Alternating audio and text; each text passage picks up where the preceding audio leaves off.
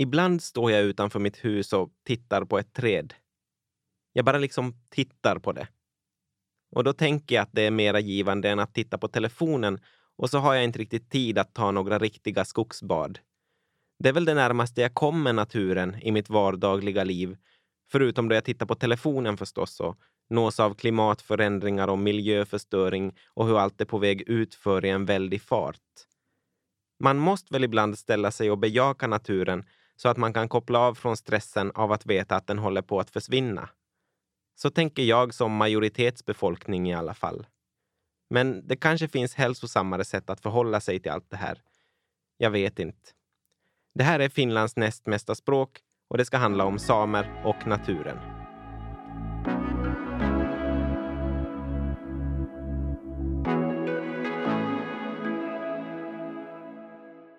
Jag heter Alfred Backa och med mig har jag som vanligt Petra Laiti. Hej, hej! Våra gäster idag är Janne Sajet som är teknologiedoktor och sameaktivist och renskötaren och journalisten Aslak Palto.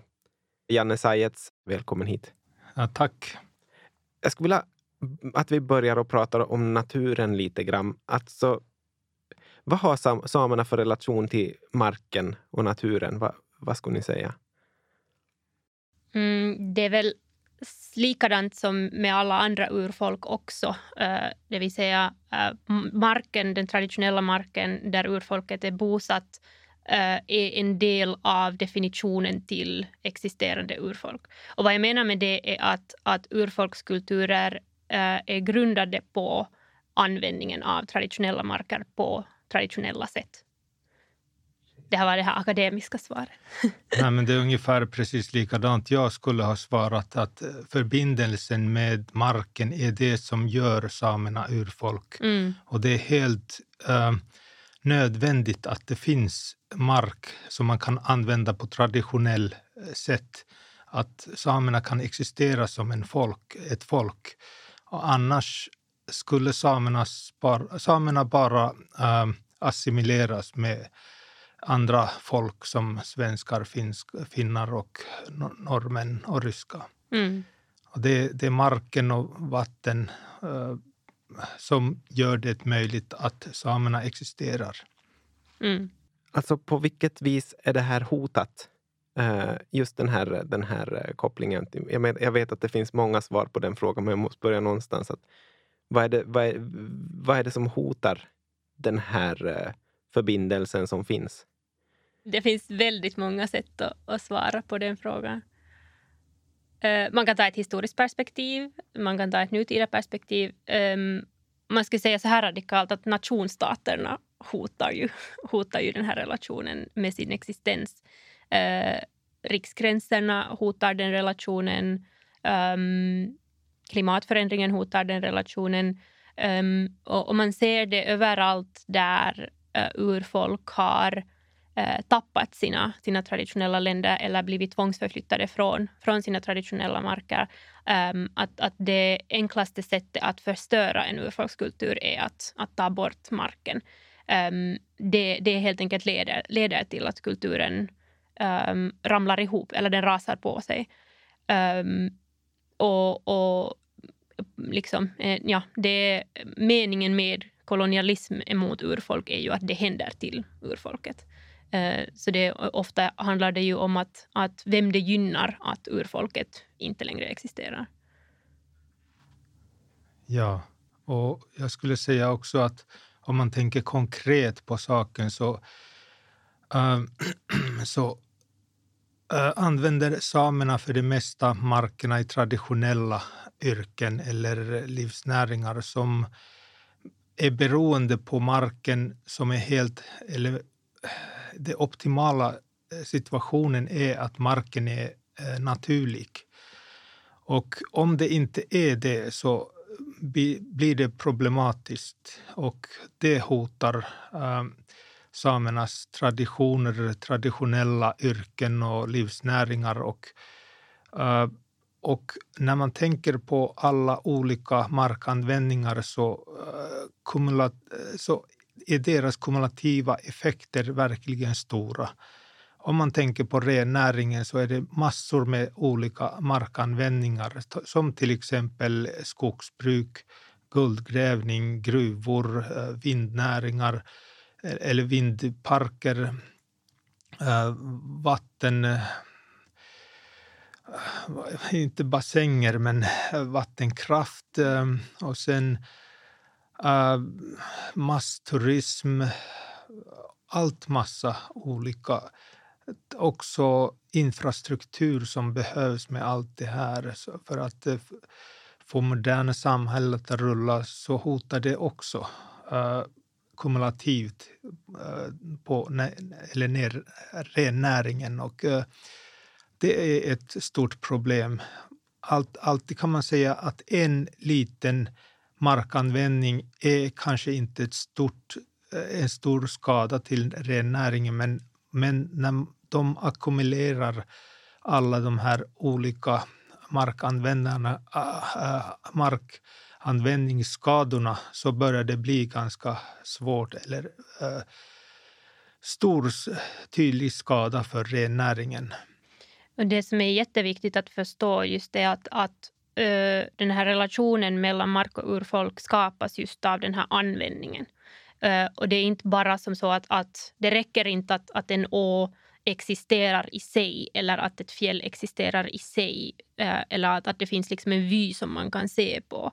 Utan det handlar om att man måste komma åt marken och åt resurserna och, och åt liksom det, det sättet som man använder marken. För, för om, eh, säga att man skulle eh, restriktera eh, ett område bort från samerna för att skydda det området till exempel som ett naturskyddsområde.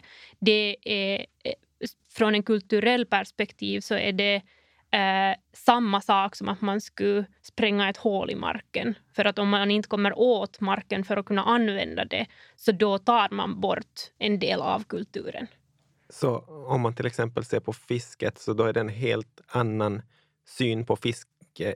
Kanske inte ens talas om fiskeindustri på det sättet, men liksom att, att fiska är någonting helt annat för en same än vad det är i, i den här västerländska Eh, perspektivet? Jag skulle säga så, ja. ja jag tror det också. Mm, och fisken, det, eh, till exempel om man tänker på uh, nu Tanaälven som är ett verkligen eh, viktigt fiskeområde för samerna så är den nu ganska hotad av andra markanvändning och uh, klimatförändring och, och, vad som händer i havet, det vet man inte ens. Och, och, fisket på havet är också ett stort hot. Och allt det ackumulerar och förstör livsnäringen av samerna vid Tanaälven.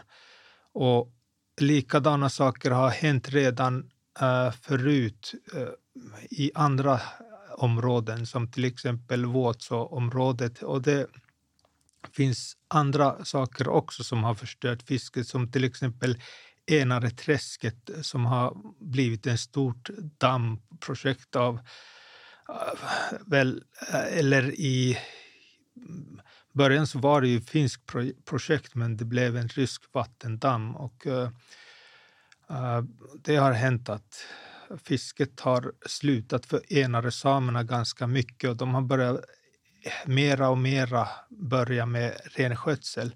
Men så efteråt så har skogsmarkerna som är verkligen uh, viktiga renbetesmark för renen under vintertiden så har de förstörts för enare samerna. Nu har de ganska trångt kvar mm. med deras renbetesmarker och allt påverkar på allt. Vilka industrier är det som är liksom mest hotfulla? Uh, Här i Finland, ska vi se, om, vi, om vi börjar från Finland. Det är svårt att prioritera nu, för skogsbruket har ju varit det traditionellt. Om mm. man tänker. Det har tagit väldigt mycket marker och mycket har huggits. Och effekterna av skogsbruk det, de, uh, det varierar från 50 till 150 år. Uh, och Eh, minskar lavväxten till en eh, bråkdel av det som en gammal skog kan producera. Och som marklaven och sen trälaven den försvinner ju nästan helt för, för hundra, ett hundra år. Um, men sen om man tänker på gruvor och stora infraprojekt så skulle de vara helt fatala. Och det är inte något som kommer lite på lite eller ackumulerar lite på en gång. Mm. Men det skulle vara en helt fatal chock på en gång. Så det är lite svårt att prioritera e-, eller säga vad som är värst. För nu kanske skulle man säga att det är skogsbruket. Men nu har Forsstyrelsen börjat äh, minska huggningen ganska mycket och, och äh, privata skogsägarna har redan huggit mest av skogarna så det är inte mycket kvar där. Eh, ja, det finns stor allmän skog som har fortfarande mycket eh, gam, gammal skog kvar som skulle kunna, kunna avverkas äh, fortfarande. Men jag vet inte om det kommer att fortsätta så hotfullt som det har gjort hittills. Och det som kanske är det största hotet är klimatförändringen nu kanske. Och då mm. behöver man naturliga skogar och naturmarker för att, som, uh, uh, som agerar som en buffer för, uh, eller näringsbuffer för renarna. Att de kan klara av de svåra väderna som det kan komma av klimat, eh, klimatförändringen. Vi ska prata med Aslak Palto som är renskötare och journalist på Yle Sápmi. Du, du var ute och, och skötte renarna igår kväll. Eh, hur ser det ut rent, rent praktiskt just nu? No, rent praktiskt, eh, vi ser ju att vi, vi har ju massa renar här hemma eh, och som vi har tagit från fjället till hemma, att vi kan fodra dem därför de är så, i så dålig kondis. Och där i fjället, det, det finns ju, om det är ju 50 centimeter till en meter snö, men när man går nedre till botten, så där det, det första 10 centimeter som, som eh, det är ju is där och det nedreste som, när ska de eh, hitta den, maten, så det är ju helt isig och hård. Och man tänker att du, du prövar ju handen och gå och slå ned. Det går inte. Du måste ha ju en, en ax eller någonting och gå ned och, och hitta den. Så du tänker då att om du är ren och du prövar att hitta mat, du är ju helt, eh, så efter en dag, så det, du, du kommer inte in och, och hitta någon mat. Så då måste vi ta fodra eh, och ta mat, extra mat till fjället så att för, och precis just nu är vi ju, vi samlar ju renar för att, uh, att vi kan ju ta den uh, till mindre flocker så att det är lättare fodra bättre renar. Är det, är det mycket, mycket extra arbete med det här? No, det blir ju så att, uh, att man måste ju jobba för bara för att de, ett renar lever. Att man är ju på den här kanten, att det är ju det är katastrof och man får ju ingen stöd från någonstans annars, att man måste göra ju det sig själv. Och, och, och två år sen när den här corona covid-19 började så hade vi ju en katastrofår och nu den, den var ju process som gick i, ju i det här eh, renskötselslovet har den här en punkten att vi kan få någon katastrofstöd från staten. Och vi fick den nu eh, två månader sen, men att det tog ju ett, över ett år och vi måste ha eh, bevisning från fyra månaders hårda vinter att det är ju annorlunda än en bra vinter. Så att eh, på norska sidan, eh, svenska sidan, eh, samerna får den stöden eh, på samtidigt, att, att de kommer ju i svenska sidan, de kommer ju från Sametinget och ser att aha, nu är den här den, här, den botten är dålig, nu, nu, nu ska vi ge stöd för det, det är att ni kan ju starta fodring. Och norska sidan, vi sa ju att det är ju, det är ju folk som kom och hjälpte, Rödkrossen kommer till att hjälpa renskötare när det var dåligt i, i, i alla, alla det här eh, Skandinavien, också på ryska sidan. Men för oss i finska sidan är ju så att man, du måste ha ditt eget kapital att köpa in och, och du kan vänta att kanske du får någonting tillbaka. Så nu, nu blev det så att man, får ju, man fick ju pengar från de, de renar, renar som var död och inte som, som stöttar att renar inte dödar. Så, så det är ganska, ganska stora saker vi pratar om det här. Och det, och det är nu bara de sista fem åren som, som har visats att, eh, att de här katastrofåren kan komma varje and, annat år. Och hur länge kan vi gå vidare med det här? Så det vet vi inte. Men eh, hur borde man tänka kring det här då? Det är ju eh, tusen års eh, eh bedrift som, som alla, att vi lever ju från naturen och när, när naturen förändrar, klimatförändringar nu vi ser här och vi prövar ju att att leva från naturen eh, och från renar. Så nu när det kommer så hårt så att, att, att vi kunde tackla det och tänka hur är det möjligt och vad tränger vi göra nu att, att, att det här kan gå vidare till framtiden. Men, ett, men det här eh, tanken kommer ju att, ja, att eh, renskötsel är, är så, så, så gammalt och kan inte utveckla och, och leva i, i den här klimatförändringen, så varför tränger vi det här renskötsel? Att, att vi, måste, vi måste prata om det här och höra de här diskussionerna varje dag och samtidigt tänka att hur kan vi gå, gå vidare och, och, och leva från den här vintern. Så, att, eh, så det är många utsikter. Tack Aslak Palto. Men eh, Petra och Janne, på vilket sätt påverkar klimatförändringarna urfolken? Mm, no, det har vi sett på en global nivå.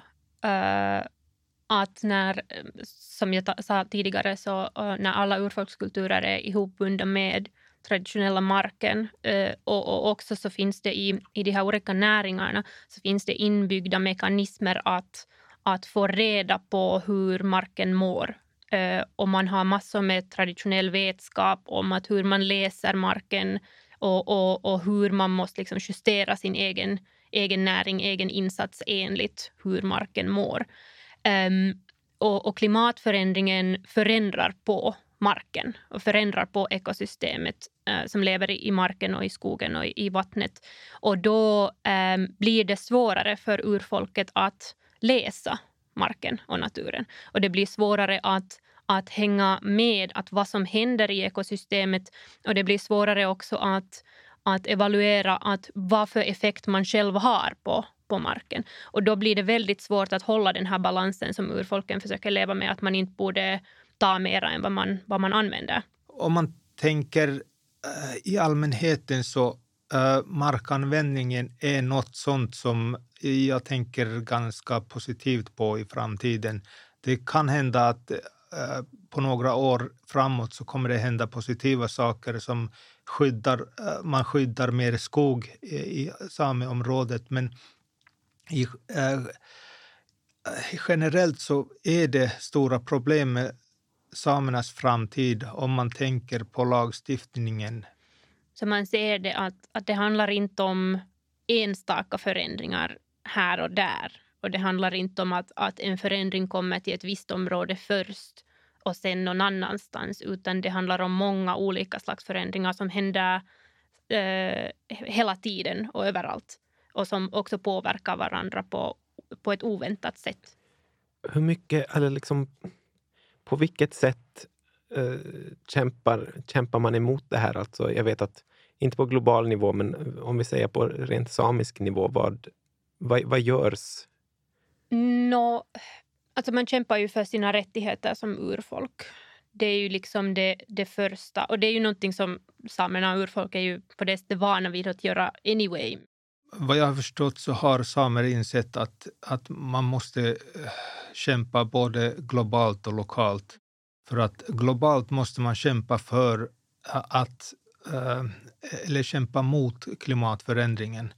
Det har man insett. Men det är ju inte mycket samerna kan göra åt saken, men det finns ju aktiva samer som försöker uh, uppbygga, uppbygga uh, förståelsen av vad uh, klimatförändringen kan göra. Och man måste kämpa emot vad det kan hända. Är det irriterande att den globala insikten att ja, man ska klimatkompensera, man ska koldioxidkompensera, man ska som tänka efter vad man har gjort. Är det irriterande att det liksom först nu har resten av människorna kommit på liksom koloniserade tankesättet men ändå inte liksom riktigt förstått det? Mm, no, för mig är det ju, det är ju likadant irriterande uh, som varje gång som eh, den västerländska matindustrin till exempel hittar på en ny superfood och så visar det sig att okej, okay, det här och det här urfolket har ätit det här i tusentals år och nu plötsligt är det för dyrt för det urfolket att, att köpa. Eh, men att, att, det är liksom likadant, att det här är någonting som urfolk har vetat hela tiden. Urfolk har, till exempel så fanns det en, en utredning av, av det finska miljöministeriet uh, nu nyss där det visades att samerna har sett, uh, sett klimatförändringens effekter redan på vad det 70 eller till och med 60-talet. Uh, äh, att man har redan då sett att, att naturen förändrar sig och att, att hur det börjar påverka de samiska näringarna. Att, um, och orsaken till att man inte har tagit de här, de här märkena seriöst uh, runt världen är ju att man inte respekterar urfolk.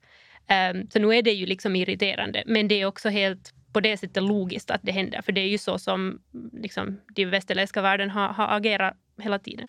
Ja, det bästa argument för att uh, jobba med sådana saker är alltid att hitta på hur mycket det kostar.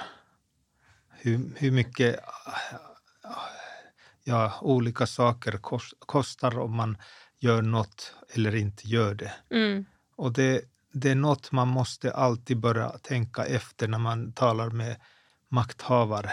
Mm. Och det är jobbigt. Äh, för renbetet och andra traditionella ren eh, näringar så skulle det vara verkligen viktigt att göra kumulativa effektanalyser. Uh, och det, så har också tol, finska lagstiftarna tolkat urfolksrättigheterna. Och det betyder att eh, till exempel om man tänker på en uh, renbeteslag som Lappi-Paliskunta som har förlorat 50 procent av sina renbetesmark till olika landanvändare eller markanvändare som till exempel skogsbruk, massturism, eh, vattendammprojekt och sånt så kan det hända att ehm, det kommer små markanvändare som kanske inte orsakar så mycket men tillsammans så ehm, orsakar de ganska mycket. Och sådana saker skulle, man, eh, skulle det vara nödvändigt att göra kumulativa eh, effektanalyser för att, äh, för att förstärka renbets, renbetets möjlighet att fortsätta på området. Att det får inte tydligt orsaka skada till renbetet tillsammans alla e- effekter av markanvändningar, av olika markanvändningar. Nej, men det känns ju som att det skulle behövas en valuta, en valuta som, för att folk ska förstå det här. Alltså, mm. Man lägger ihop det till någon sorts valuta och så säger man att det här har kostat på det här sättet. Och, men då pratar man ju industrins språk på något vis. Ja, men vi har forskat saken också. Eh, jag har varit i en Eh, eh projekt som har letts av, eh, eller det har finansierats av Konensäätiö och den har letts av Paulina Feodorov och det har varit många, tiotals renbetare med där och vi har beräknat hur mycket det kostar ungefär för renbetet om man avverkar, eller en skogsyta, vad det betyder för renbetet.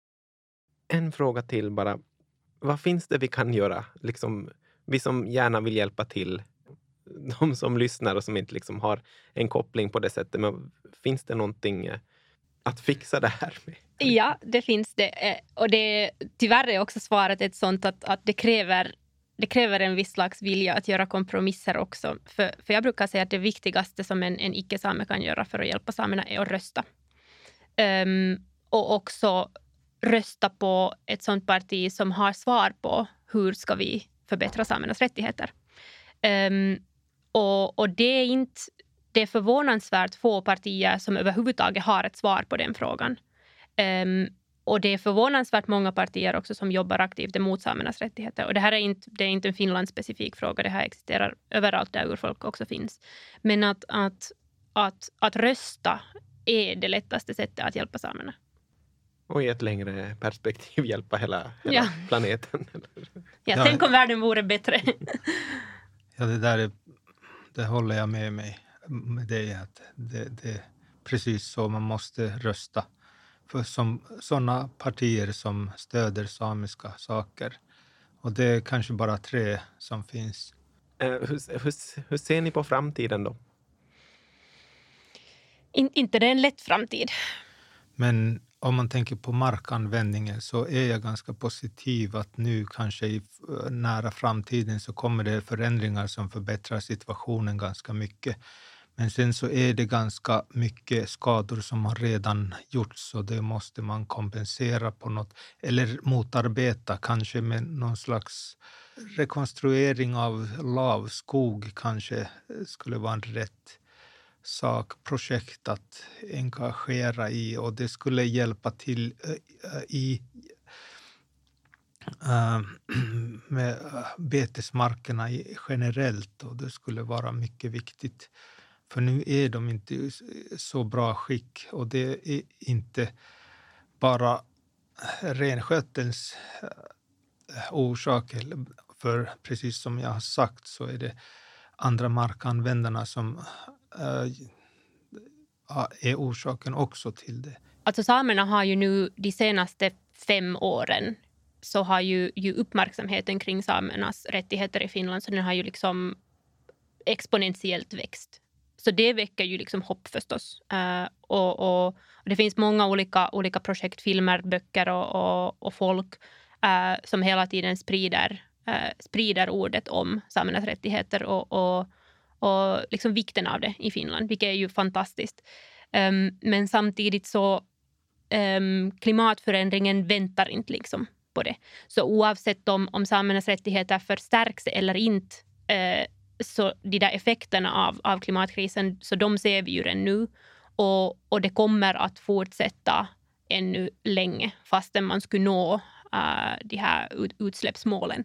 Um, så, så vi står liksom vid, vid tröskeln av, av stora förändringar nog. Det här var Finlands näst mesta språk. Vi har pratat om samer och naturen. Ni har hört Petra Laiti, Aslak Palto och Janne Sajets och jag heter Alfred Backa. Podden är producerad av Paradmedia för Folktinget.